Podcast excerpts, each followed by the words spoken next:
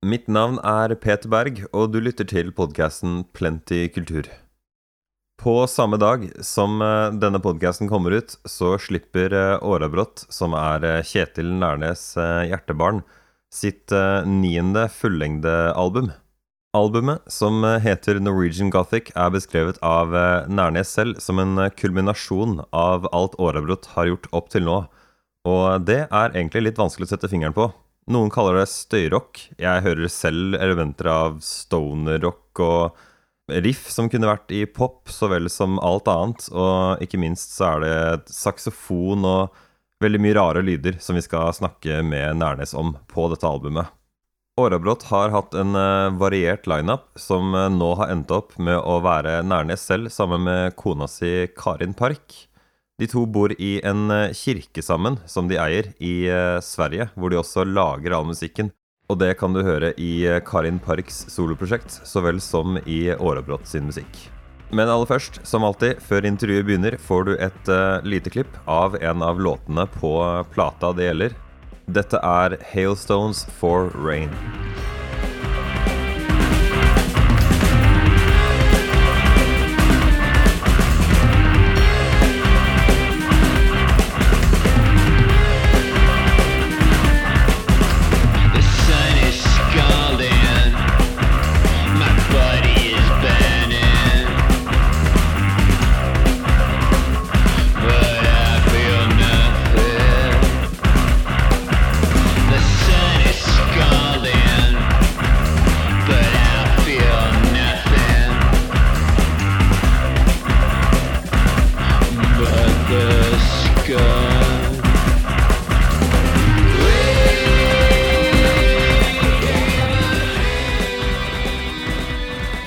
Ikke helt sikker på dette, men jeg mener at jeg har lest navnet ditt en del ganger i sammenheng med andre artister sine, release, sine releases. Uh, sine slipp. uh, og så har jeg fått inntrykk av at du samarbeider med en god del andre folk enn uh, en, Karin og ja.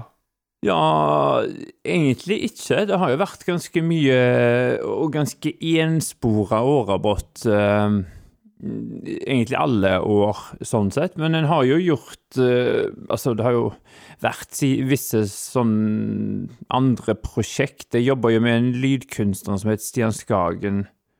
Som heter Stian Skagen. Uh, det gjorde vi jo en del år for noen år siden. Uh, ellers så har jeg jo selvfølgelig vært ganske involvert i Karen sitt opplegg de siste årene. Eh, og så har eh, ja, hun har gjort småting for, for visse kompiser og så. Ja, jeg har bare sett uh, liksom nevnt i, i sånne ja, sånne credits da hvor det står hvem som har vært med. Så bare, ja, så har vi med Kjetil Nærnes. Jeg har i hvert fall sett det et par ganger de siste, ja. siste året eller noe sånt, så Ja. Ja, men den har gjort små greier, og det har jo hendt at uh, folk har tatt kontakt egentlig for, mest for litt sånn idémyldring eller tips på fremgangsmåte eller innfallsvinkel, og, og det setter jeg egentlig veldig pris på. Jeg føler meg at jeg, at jeg kan komme med litt tips sånn Ikke bare, ikke bare sånn spesifikt musikalsk, eller musikk, altså gitar, for eksempel, men at jeg nå kan komme opp med noen ideer tematisk og, og så. Det syns jeg er veldig interessant. og og, og, fint å få være med på. Er du veldig uh, idédreven? Uh, ja, jeg vet ikke om det blir noen forskjell på idédreven eller musikkdreven, Det henger jo hånd i hånd, det der. Det henger veldig sammen. Og egentlig um, Sånn som jeg jobber, så er det det, det er kontinuerlig, så det er hele veien. Med en gang et albumprosjektet ferdig, så er jeg egentlig i gang med neste igjen umiddelbart. Og, og, da er det sånn at det fungerer sånn En har det musikalske og, og det, den tematiske delen, som jeg pleier å kalle det, da, altså tekstene og ideen, at de, de, de, går parallelt eh, som to forskjellige prosjekt, egentlig, og så samles de eh, rett før en da skal i gang med å, å, arrangere og spille det inn, egentlig. rett før det virkelig skal bli album av det. Mm. Um, så, så begge, men begge de to delene der de, de, tre, de behøver jo for å Ja, for, for å få progresjon og Så en jobber De er rett og slett De er alltid, altså. Det er kontinuerlig. Det er som er kvern, det der. Nei, jeg hørte jo han um, uh, Vokalisten i uh, Frontmannen i Green Day Han uh, sa jo at han prøvde å Hver gang han tar pause, så klikker han etter to uker. Så må han bare tilbake. Han vet, vet liksom ikke hvordan han skal slutte å lage musikk. Så Ja, det er veldig så. Jeg tror at uh, sånn har, altså alle mennesker har vel sine måter å og, og, og, hva skal jeg kvitte seg med sine spøkelser. Og For min del så føles det ofte som om det er tusen sånne hender som kommer ut av marken og drar meg ned i dype hull, men uh, at musikk og og altså litteratur, tekst uh, osv. får meg opp av de der gropene der. Jeg må si at du, du har jo en særegen fantasi da, som uh, finner på å bruke det billedlige uttrykket der med 'tusen hender', uh, bare sånn for å svare meg på et spørsmål. Det, det, det, det, føles som det sier mye om deg, da. Jeg kjenner deg jo ikke, men det er bare Ja, det var en slå, slående beskrivelse. Jeg kan liksom se det Ja. Det maler et bilde, mm. definitivt.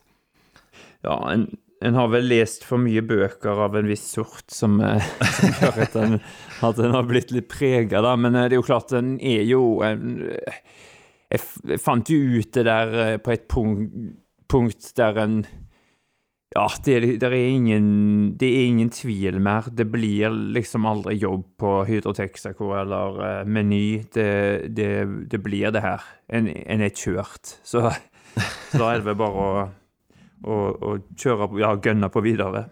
Ja, det er mye Er det Stephen King, eller er det skrekk, eller hva er det du leser veldig mye, da? Uh, nei, Stephen King tror jeg aldri har lest, egentlig. Kanskje jeg gjorde det når jeg var ungdom. Uh, men akkurat nå for tiden så har det jo vært en del av de her uh, gamle, dekadente ja, fra slutten av 1800-tallet. Strindberg har jeg lest, og, og um, noen av de andre av de franske som jeg, lurer på om de kaller seg for symbolistene, men det, det er i hvert fall flere av de der som kom rett før uh, surrealismen tidlig på 1900-tallet, så var det en del interessante forfattere som er, alle er De er jo altså, sjuke i hodet, da, og uh, skriver veldig interessante greier. Og en sånn blanding av å være okkult og ganske religiøs på noe vis, og så blanda med sånn mye nerver. Det er jo sånn sett samme gjengen som Munch. Det er liksom den greia der, da. Og mm. der finner en jo mye interessant. Ellers så har jeg lest eh, ganske mye av det som kalles for Southern Gothic. Eh, altså Cormac McCarthy og William Faulkner. Og det er jo noe som jo Ja, det henspeiler jo tittelen på den nye platen, blant annet. Jaha. Hvordan da? Ja, at det kalles um, Southern Gothic. Det er jo en amerikansk sjanger. Egentlig, ja, liksom. ok, ok, så det er derav Norwegian ja. Gothic. Ja, det var egentlig så var det en amerikansk kompis av oss som uh, sendte Han skrev en melding om at uh, han syntes at Årabrot var som uh, at det var som Norwegian Gothic. Men han, han tenkte jo på dette her maleriet, American Gothic, som er de her to Det bondeparet foran låven sin. Og eh, Grant Wood, Wood het han, og, som har uh, malt det der. Og um, og, og, det er jo litt som meg og Karen foran kirken vår her. Jeg, og han sa det som spøk, da. Så, men jeg skrev det nå ned, og det har fulgt med i flere år. Og når vi starta lage Og når jeg begynte å skrive låtene her nå til dette albumet, så følte jeg det passet veldig bra. Så det var arbeidstittel veldig lenge. Ja. Så bestemte meg for uh, Litt ute i, i, prosessen så bestemte jeg meg for at det der det vil passe veldig bra, både som beskrivelse på en måte av musikken nå. For det har ofte vært spørsmål om hva er egentlig Årabot? Hva, hva, hva, er det for sjanger? Og ja, det er jo en slags sånn Det får jo være en slags Norwegian Gothic, da. Men um, jeg, glem, jeg glemte faktisk å google det før det allerede var for seint. Og det vis- viser seg jo at Ulvaro har en låt som heter Norwegian Gothic, så det var jo en liten uh, lite, lite feilskjær der. Men jeg eh, snakket med Kristoffer, og han sa det var OK, så Ja, så bra. Jeg holdt, jeg holdt på nesten å si at eh, ja, men det går jo bra, alle i Musikk-Norge er venner, men det er det jo plenty av eksempler på at uh, det ikke alltid er, da. Så ja. eh, Ja, ja. ja, det er så. Det kan man, det, man kan skrive under på det. Det er mye Du vet eh, Musikk og musikere og kunstnere det er jo, det er jo mye følelser ute og går der. En er jo Ja, følelsesmennesker, så det blir eh, Det er egentlig lettere enn man tror å tråkke på noens tær. det Ja, jeg syns det gir veldig mening. Jeg har liksom tenkt på det da, selv. Jeg jobber jo med artister i forskjellige kapasiteter, og, og så tenker jeg liksom at hvis jeg skulle være så uheldig å fornærme feil person, da kan jeg ha brent eh, feil bro. Så- ja. Ja. ja, det er jo veldig lite i Norge òg. Det er jo utrolig lite. Alle kjenner jo virkelig alle, og um, ja. Det, er jo, det, det har sine fordeler og ulemper, akkurat det. Mm. Eh, for å ta det litt sånn til skiva di, da. Eh, jeg tenkte jo på det i går. Jeg satt hjemme og skulle tracke vokal, og så bor jo ikke jeg i en uh, idyllisk uh, kirke på bygda. Uh, jeg bor i en kjellerleilighet på Oslo vest, og så føler jeg liksom at eh, lyden av opptaksrommet mitt, den er liksom fienden min. Du hører det jo kanskje når jeg prater her, men altså ikke du, men på podkasten. men for deg er det jo Må det jo være motsatt, ser jeg for meg. Veldig. Så det er jo klart at for meg og for Karin og for prosjektets del så har det vært en utrolig fordel, altså, å, å flytte ut av byen og ut på landet. Eh, den eh, friske luften har gjort godt. Og det er jo klart at når en har et sånt stort bygg, eh, sånn som vi har her, med, med den akustikken som en har her òg, og hvordan det ja, hvordan det knirker i veggene, og hvordan det låter, er jo Det, det maler jo et bilde, og det gjør jo eh, Det setter sitt preg på hvordan vi arbeider, og, og hvordan det låter. Og uh, både Karens forrige album, eh, 'Church of Imagination', og, og 'Norwegian Gothic', er jo nesten alt av det der er jo spilt inn her. Ja. Og Jeg ja, syns nesten jeg det er jo, hører, eh, eh, hører eh, det samme rommet. For jeg intervjuet jo henne om eh, Church of Imagination også, og jeg syns på en måte jeg, Ja, nettopp. jeg hører det samme vokalrommet, på en måte. Hvor er det Mm. kan, kan du fortelle, hvor er det du sitter? Hvordan er det det ser ut der du sitter? Ja, så akkurat her som jeg sitter nå, det er jo i, i selve studiokontrollrommet. Så her er det så at det er, så er det vinduer på alle kanter, egentlig, der man ser utover eh, Ja, man ser skogen i bakgrunnen her, og eh, veldig mange røde hu trehus. Eh, Men foran meg her da, så er jo høyttalerne, og så er det et stort vindu som viser Som man kan se ned til selve kirkesalen. Og i kirkesalen så er det Det er som en sånn, det er sånn bedehusstil. Eh, det er noen svære kirkevinduer ut mot veien bak her, og så er det to gallerier. Og på det ene er det et eh, kirkeorgel. Ellers er det eh, pianoer og mellotron og alle mulige ganger og masse musikkinstrumenter som står nede i Mm. eh, kirkesalen. Så, og det er den kirkesalen vi har brukt til vokalen, da. Ja. Um, og det er der vi spiller inn trommer og Ja, ganske Nesten alt, egentlig. Får et veldig sterkt, uh, sterkt avtrykk på alle låtene. Jeg hører jo liksom uh, Ja. Mm. Du, du kunne omtrent putta inn låter fra Church of Imagination uh, mellom dine. Ja.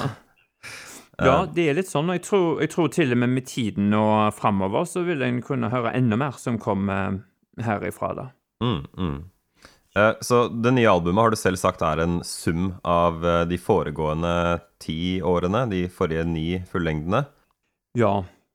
Så da vil jeg vite hvordan du selv eh, vil beskrevet hva Altså, hva er det det er, hva er det Årabrott har eh, blitt? Ja, det er Jeg føler at eh, at når, når en kom litt ut i det prosjektet her, når en begynte å arrangere låtene med band, og når en begynte egentlig inns, altså de der demoinnspillingene, og, og før en gikk i studio, og selv i studio egentlig, så føltes det som om tingene bare falt veldig på plass, og det gikk ganske enkelt da etter hvert. Og jeg tror at den der essensen av Årabrott som et rockeband har ligget der helt siden vi ga ut Sjutommer som punkekids i Haugesund i, for 20 år siden. Mm. Um, og jeg syns at den, den, der essensen av den, den rocken som Årabrott representerer sonisk og på alle mulige måter, falt på plass med den platen her. At den endelig kunne blomstre fritt ut. I hvert fall de siste ja, la oss si de siste ti årene, da, men det er nesten som jeg føler at det har vært en lang reise fram mot den plata her uh, uh, gjennom alle de årene. Mm. Og så er det jo òg så at det, det, kulminerer i den platen her, men det starter jo egentlig en ny fase med det, med det albumet, da. Jeg tror at det vil uh, jeg vet ikke hva jeg skal kalle det, men neste fase kanskje starter her, da. Ja, nei, for jeg tenkte Når du sier det, da, så tenkte jeg hva, hva nå? Men jeg, tenker bare for å holde det liksom sånn at uh, folk som hører på, da, sånn at de har et inntrykk, så kan vi jo liksom Kan vi gå inn på noen av låtene, så de hører hva mm. Hva dette har blitt til, da. Og så har jeg jo trukket fram noen jeg syns er uh, uh, ja, gode representasjoner for ja, det Årabrott har blitt. Så Det blir spennende å høre. Jeg, jeg tenkte vi kunne starte med åpningslåta, eh, 'Carnival of Love'. Jeg, jeg, jeg, har liksom inntrykk av at uh, når jeg hører på den, i hvert fall, og egentlig veldig mange av de andre, at uh, komponisten her starter ofte med et godt riff og bygger ut ifra det.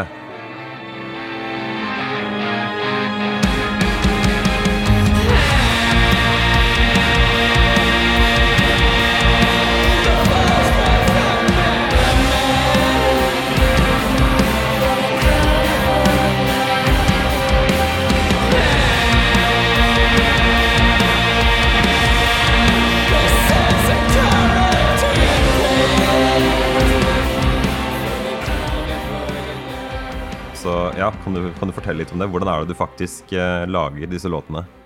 Ja, det har du helt rett i. Det er riffene Nå nevnte jeg jo innledningsvis der at det er to parallelle hva skal jeg si, arbeidsmetoder som går eh, egentlig alltid, og bare ruller på. Og det ene er jo det musikalske, og det andre er det tematiske.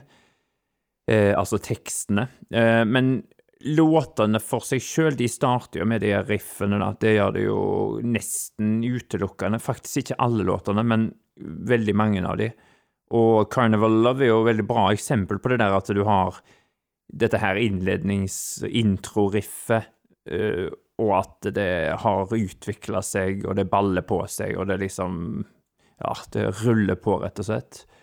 Mm. Um, noe som eh, er resultatet av eh, å jobbe med det lenge.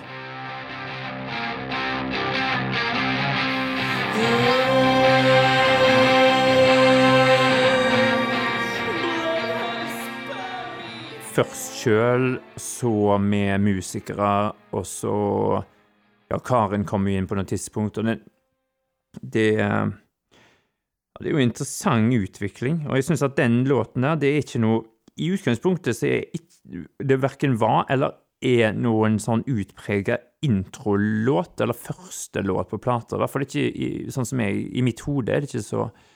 Men den, den ble såpass kul og interessant at det allikevel uh, fungerte veldig bra. Veldig, det var vi diskuterte voldsomt mye med både label og management og med produsenten om hvordan vi skulle sette opp platen, hvordan låtene skulle være, hvilken rekkefølge og så. Det er ganske mange låter som egentlig kunne ha starta plater, men jeg syns det her var en morsom måte å gjøre det på, og en interessant måte å gjøre det på. Du har jo to, eh, to måter å gjøre det der på, da, når du snakker om hvordan du skal starte en plate. Du kan jo være litt sånn kynisk og ta med statistikken at de fleste hører de første tre til seks låtene, så du bare putter alle de mm. beste der. Og det har jeg definitivt uh, inntrykk av at jeg hører noen ganger. at artister gjør. Mm. At eh, liksom eh, B-siden er liksom andre halvdel. Um, men uh, ja, jeg syns jeg liker så godt å bare starte med noe som bare er liksom bam, rett på sak. Her er Dette er soundet. Ja, jeg, jeg, eh, jeg kjenner jo til det der at eh, man skal ha alle hitsene først, for det er ingen som gidder egentlig høre på album nå til dags. Og jeg, jeg blir jo litt sånn i motstand, da, og jeg tenker på uh, Bowie sin Siggy Stardust, for eksempel, har jo hitene på slutten. Altså, det er jo en ganske morsom måte å gjøre det på. Det var jo sånn en ofte gjorde det før, at en hadde de ute på singler allikevel, så når albumet endelig kommer ut og blir presentert, så har han jo alle de nye låtene først, og så kommer liksom de der singelhitene helt på tampen. Um, og jeg, jeg, tenker jo Altså, jeg er jo, er jo veldig album uh, Jeg tenker jo veldig album, da, alltid. Jobber veldig opp mot album, og er veldig albumorientert. Dette her med å sette sammen som en reise, eller som en opplevelse, er jo veldig det er veldig viktig for meg, da. Um, så, men så er det jo klart at ja, men Det er jo greit å ha noe som er Noe som er fengende med en gang, sånn at en kanskje får oppmerksomheten til folk. Men jeg Jaggu ikke lett å si heller hvordan, hva som er best å gjøre nå til dags. Det er jo alle mulige innfallsvinkler. Noen ganger, jeg mener noen band er jo helt ekstreme da, og kjører ganske vanskelig musikk som fungerer svinebra, egentlig. Så jeg vet ikke om du har hørt det, det der Klipping, for eksempel, fra, som er på Subpop. Vel egentlig er Ja, det er vel egentlig hiphop, men de er jo sånn Altså, det er jo utrolig eksperimentelt og vrangt, vil jeg si. Ganske mye sånn De kan starte med bare ren hvit støy. Eh, men de har jo hatt eh, virkelig suksess med de greiene der, da. Jeg tror ikke ja, Det er jo ganske motsatt av, eh, av det der med å starte med, med det mest fengende refrenget, eller hiten, eller hva man skal si.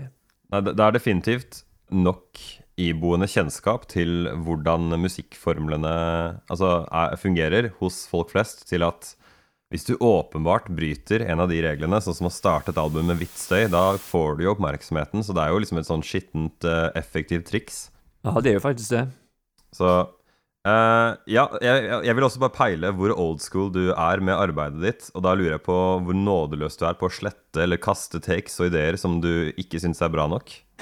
ja. Eller om du liksom sparer alt. Det, det, nei da, det er langt ifra. Jeg tror, og Denne gangen her så var det var første albumet vi har hatt med en produsent. Så han Gomez, som spilte Han spilte jo inn og miksa og mastra og var jo produsent. Han For det første så gjorde han jo en fantastisk jobb. Eh, helt utrolig bra jobb. Så kudos til han. Hva var det navnet um, hans uh, var?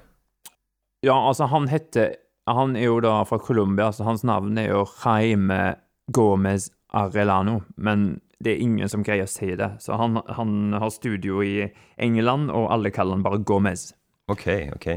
Og Gomez, han er Han har gjort uh, ja, mye metal-band og masse kule produksjoner. Um, han gjorde en formidabel jobb med det her, og jeg mener jeg er jo ikke sånn old school som absolutt skal holde på ting. Altså, for min del er det, det Vi må bare få gjort jobben, men det er jo klart at jeg som musiker er jo ganske er jo det er ganske limitert, egentlig. Altså, jeg, jeg, jeg, spiller jo veldig enkel gitar, og gjør jo tingene på en ganske old school måte i så måte da, at jeg, jeg jobber jo lite i dataprogram og mm.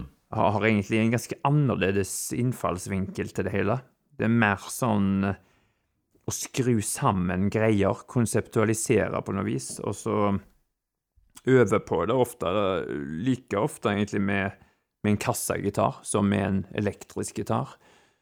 Um, og det er jo min side av yin og yang, uh, så det er jo derfor en har en som Karen, da, som kan komme inn og gjøre musikk ut av uh, Hva skal jeg si sånne jeg, jeg leverer sånne tjukke, svarte klumper med støy, og så gjør hun musikk ut av det. Så jeg tror at den eh, dualiteten der er veldig viktig for bandet, og det, det fungerer veldig bra for oss. Så kul. Ja, igjen en veldig kul måte, billedlig måte å beskrive det på. mm. uh, Ja, I, eh, det. vi kan gå på neste låt, 'Hailstones uh, for Rain'. Der skjer det jo veldig mye spennende, syns eh, jeg.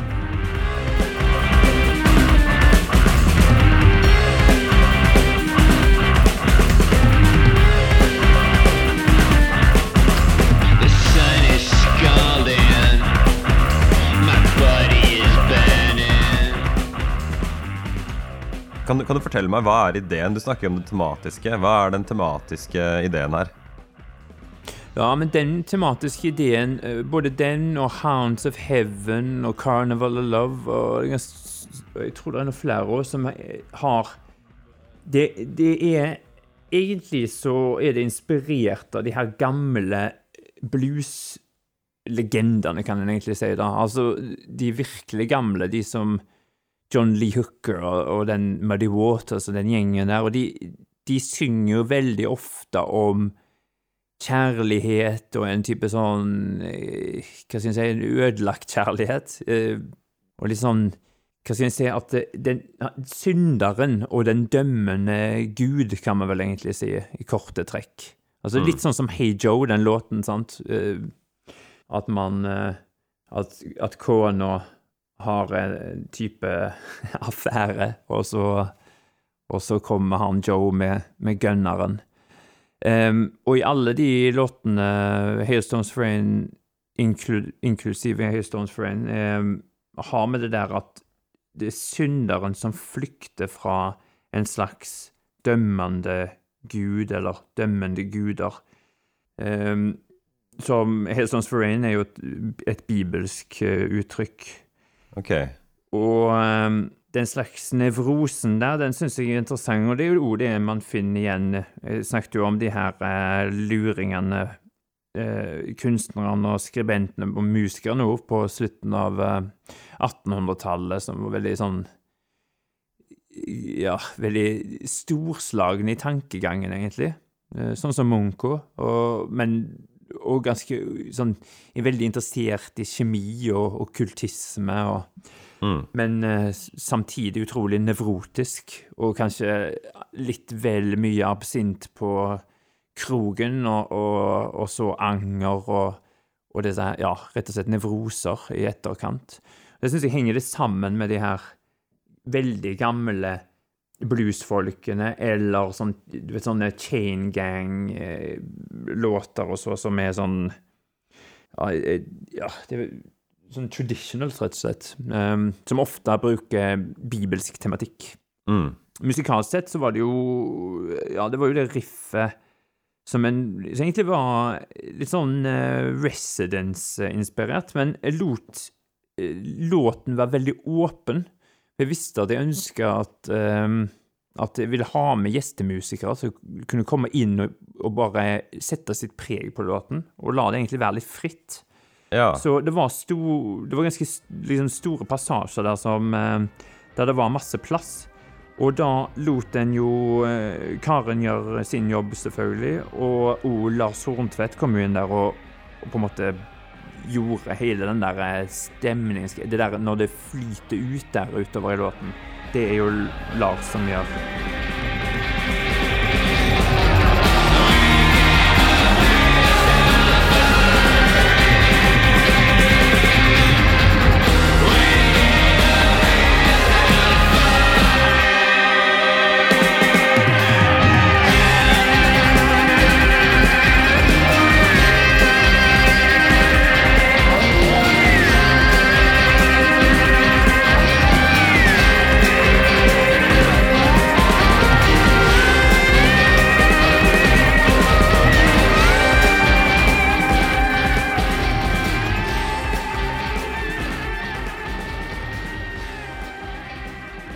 Hva er det han, Eh, med- eh, er det han spiller?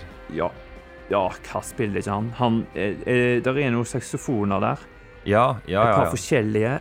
Ja, og så er det noe lapstil-gitarer, altså sånne To forskjellige, tror jeg. Både sånn pedal-stil og lapstil. Og det er i tillegg noen synter, tror jeg. Jeg husker faktisk ikke. Det var, han, han er jo et uh, musikalsk geni, så han fyren der, han kan eh, Altså, han bare Han kan gjøre eh, hva som helst, virker det som. Det var veldig kul session vi hadde med han i Oslo der.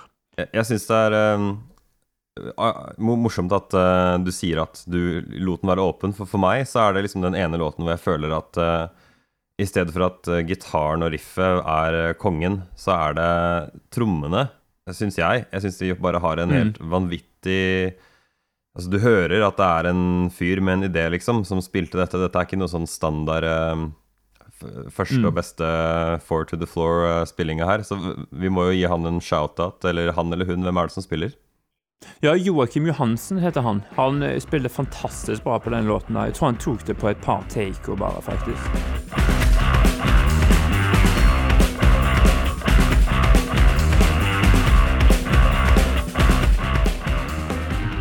Det er ganske sånn eh, intuitiv eh, tribal-tromming. Han kommer jo fra jazzskolen, så det henger jo sammen der på en eller annen måte. Ja, det hører jeg. Og låten har jo òg sånn der eh, ganske preg av eh, ja, jazz og, og nesten sånn Det er ikke langt unna at det er litt sånn eh, Hva er det vi skal kalle det? Sahara blues-vib på, på den låten der. Mm. Ja, det var, det var vel ikke noen av låtene som jeg tenkte skulle være noe singel i utgangspunktet, men eh, labelen uh, festa seg veldig ved den, og ja. jeg er glad for at den ble sluppet som video og det hele, egentlig. Altså, jeg, jeg syns jo det er en eh, lang proglå- proglåt i en kort pakke. Den har liksom en sånn Den har den veldige utviklingen, og så ser du på minuttene, og så bare Å ja, den varer jo liksom Hva er det, fire eller fem minutter, eller noe sånt? Ja, det er vel kanskje fem minutter. Ja. Så det er morsomt at den eh, Ja, for det er litt progga på noe vis, eller eh, Men det er jo morsomt å ha en proglåt Altså, jeg spiller jo én akkord eh, kontinuerlig. Det er veldig basic. Eh, men den, eh, den flyter bra på. Den har god Ja, det er en Det var to låter på plata som har, har sånn at den, det blir liksom litt sånn seig på noe vis. At den går inn i en annen fase, eller inn i et annet en annen atmosfære. Vi må videre til uh, siste låt som jeg ville trekke fram her. Uh, som på en måte er siste ordentlige låt på plata, og det er The Moon Is Dead. Mm. Det er en lang låt. Altså Den er faktisk lang, ikke en lang låt i en kortpakke, men en lang låt som er lang. Syv minutter omtrent. Bow to the black moon. You're laughter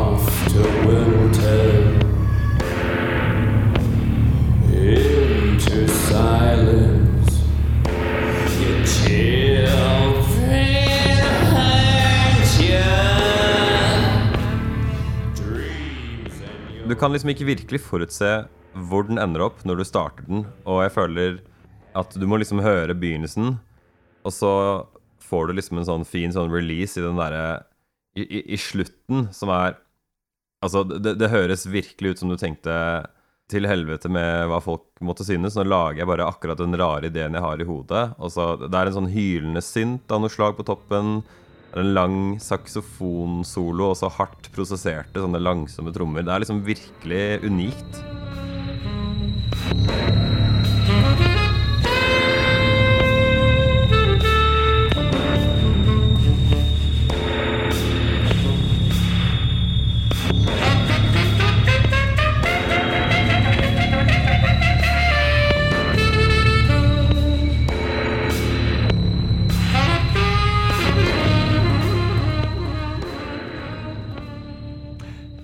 Takk for det. det, jeg så at de tyske magasinerne de kalte det for saksofon-doom.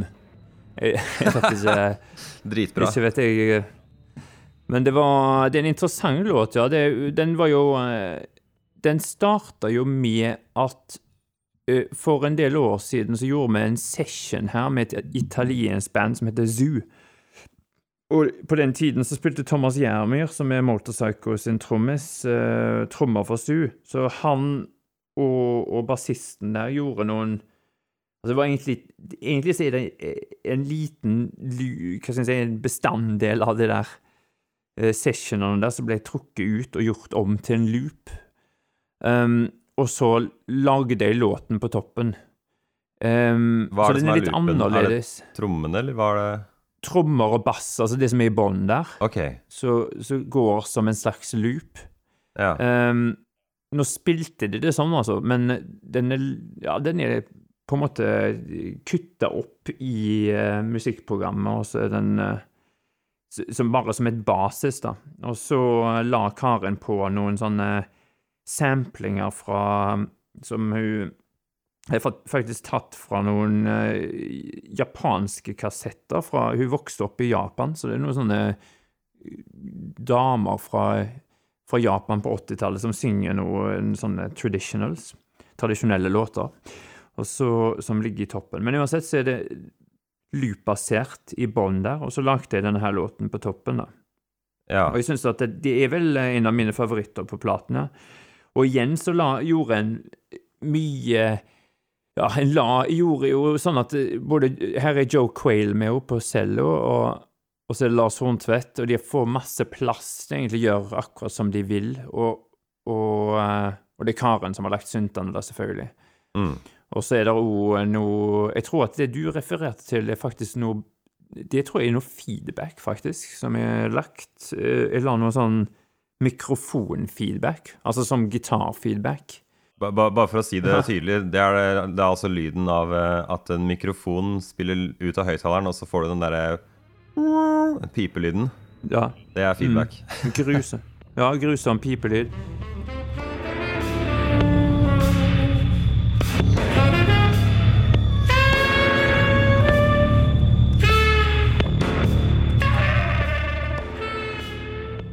Så den eh, Ja, og den her For eh, det blir en viss effekt av det om en kjører det gjennom en eh, forsterker. Så det var det en gjorde da. Så det var egentlig Kjørte det gjennom forsterker, så tok opp den lyden, og det feeder, og da blir det nesten Jeg vet ikke. Det er som en slags uh, musikalsk uh, Altså, det, som det heter jo white noise, det. Det er jo veldig Det er jo en grusom lyd, så en, en blir jo Altså, en blir jo rett og slett døv av det der. Det der Ja, ja. greiene der. Men uh, det er som en effekt der. Men jeg syns den låten eh, ble veldig bra. Tematisk sett og altså det er, det er han Det er inspirert av en poet som heter Lorca uh, fra Spania, som eh, ofte prater om månen. Altså han skriver om månen i nesten alle sine dikt. Månen som en sånn overhengende fare, egentlig. Eller månen som metafor for døden. Og derfor er det The Moon Is Dead. Ok, ja, for det var det neste Det var liksom den ene tittelen som jeg ville vite grunnen bak, så det var jo fint du bare sa. Uh, som en bonus på slutten her, så må jeg spørre om det lydklippet, som er det siste 1 minutt 15 sekunder eh, lange sporet. Hvor du hører Ja. et opptak av en mann som kritiserer musikere uh, som mener de forandrer verden med musikken sin. Og, ehm, ah. og så, Jeg prøvde å finne det klippet. Jeg prøvde å søke på noen fraser og fant det ikke. Så for det første, hva er det vi, hva er det vi hører på der? has never really changed the world. Wars and politics change the world. Art only changes the individual. And if you're empowered through that, like we were when we were kids, through listening to music, it gave you an answer or a passion in life. Ja, men det hadde seg så at for eh, et par år siden, da når jeg begynte med det her eh, prosjektet, Norwegian Gothic, så tenkte jeg at jeg skulle intervjue en del av mine venner. Eh, på den måten at egentlig bare ha en samtale med dem over en kaffe. Og uten noe mer agenda enn å innledningsvis spørre Hvorfor holder vi på med det her? og da og, og disse her eh, Altså, jeg, jeg prata jo med John Doran, som er forfatter og musikkskribent. Og jeg prata jo med Karen, uh, som forteller om sin uh, opplevelse før uh, Som introduksjon til Hal- Hallucinational. Så prata jeg òg med en kompis som er lydkunstner i, eh, og spiller i Current 93 og Nurse With Wound, som heter Andrew Lyles. Så disse her eh, korte klippene, de, eh, de er rett og slett eh, bare De er tatt ut fra de her samtalene, da. Og, eh, og Andrew, som prater på slutten der, han går inn i en eh, tirade om eh, alt mulig, egentlig. Men som er ganske Han eh, Ja, veldig Han har mange smarte tanker, faktisk. eh, og riktige tanker. eh, som jo i den sammenhengen kanskje høres litt krast ut, men jeg syns det var en veldig bra måte å slutte det av på. Eh, På slutten av et stykke kunst så har du et, eh, en, en eh, ra, ravende kritikk mot kunst som en som sånn jantelov, jantelovsentrert eh, Fuck deg hvis du tror du er noe spesielt. ja.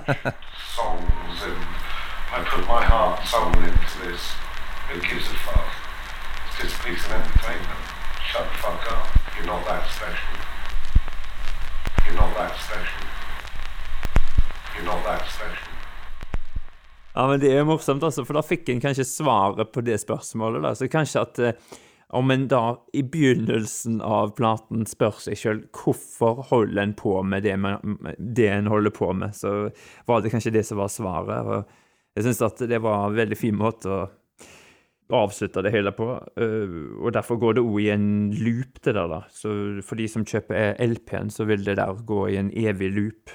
Å ja, på, altså på vinyl? Ja, på vinylen. Så når en kommer til slutten der, så vil den Da vil nålen bare gå i samme grooven, altså i samme sporet. Ja, så Så da blir det en en endless groove. Ja da, det var Ja, det er sånn triks du ikke får til på eh, strømmetjenesten, og ikke engang på CD. Nei, veldig vanskelig. Man kan eh, Nei, det, det, blir faktisk helt umulig. Så det er, det er et morsomt trikk for eh, LP. Jeg kan jo si at jeg er jo ikke enig med han, men han er jo veldig karismatisk. Han høres veldig smart ut, så jeg syns jo det var morsomt å høre på det uansett. Ja, og det, det gjaldt eh, de andre samtalene òg, som var veldig morsomme samtaler. Ja. Jeg mener, disse her er jo britiske, og eh, den britiske humoren, den, eh, den lyser gjennom der, syns jeg. ja. Den er jo ganske krass. Nei, det er Ja, jeg bare syns det var morsomt. Shut the fuck up, you're not that special. Ja, ja. Vi gjør denne podkasten hver uke, og du må veldig gjerne abonnere på oss der det er du finner podcaster. Vi finnes eh, på Apple Podcasts, Spotify og generelt eh, de fleste steder hvor du finner slikt. Du søker på Plenty kultur, PLNTY kultur, og så må du også veldig gjerne rate oss hvis det er mulig i appen du bruker.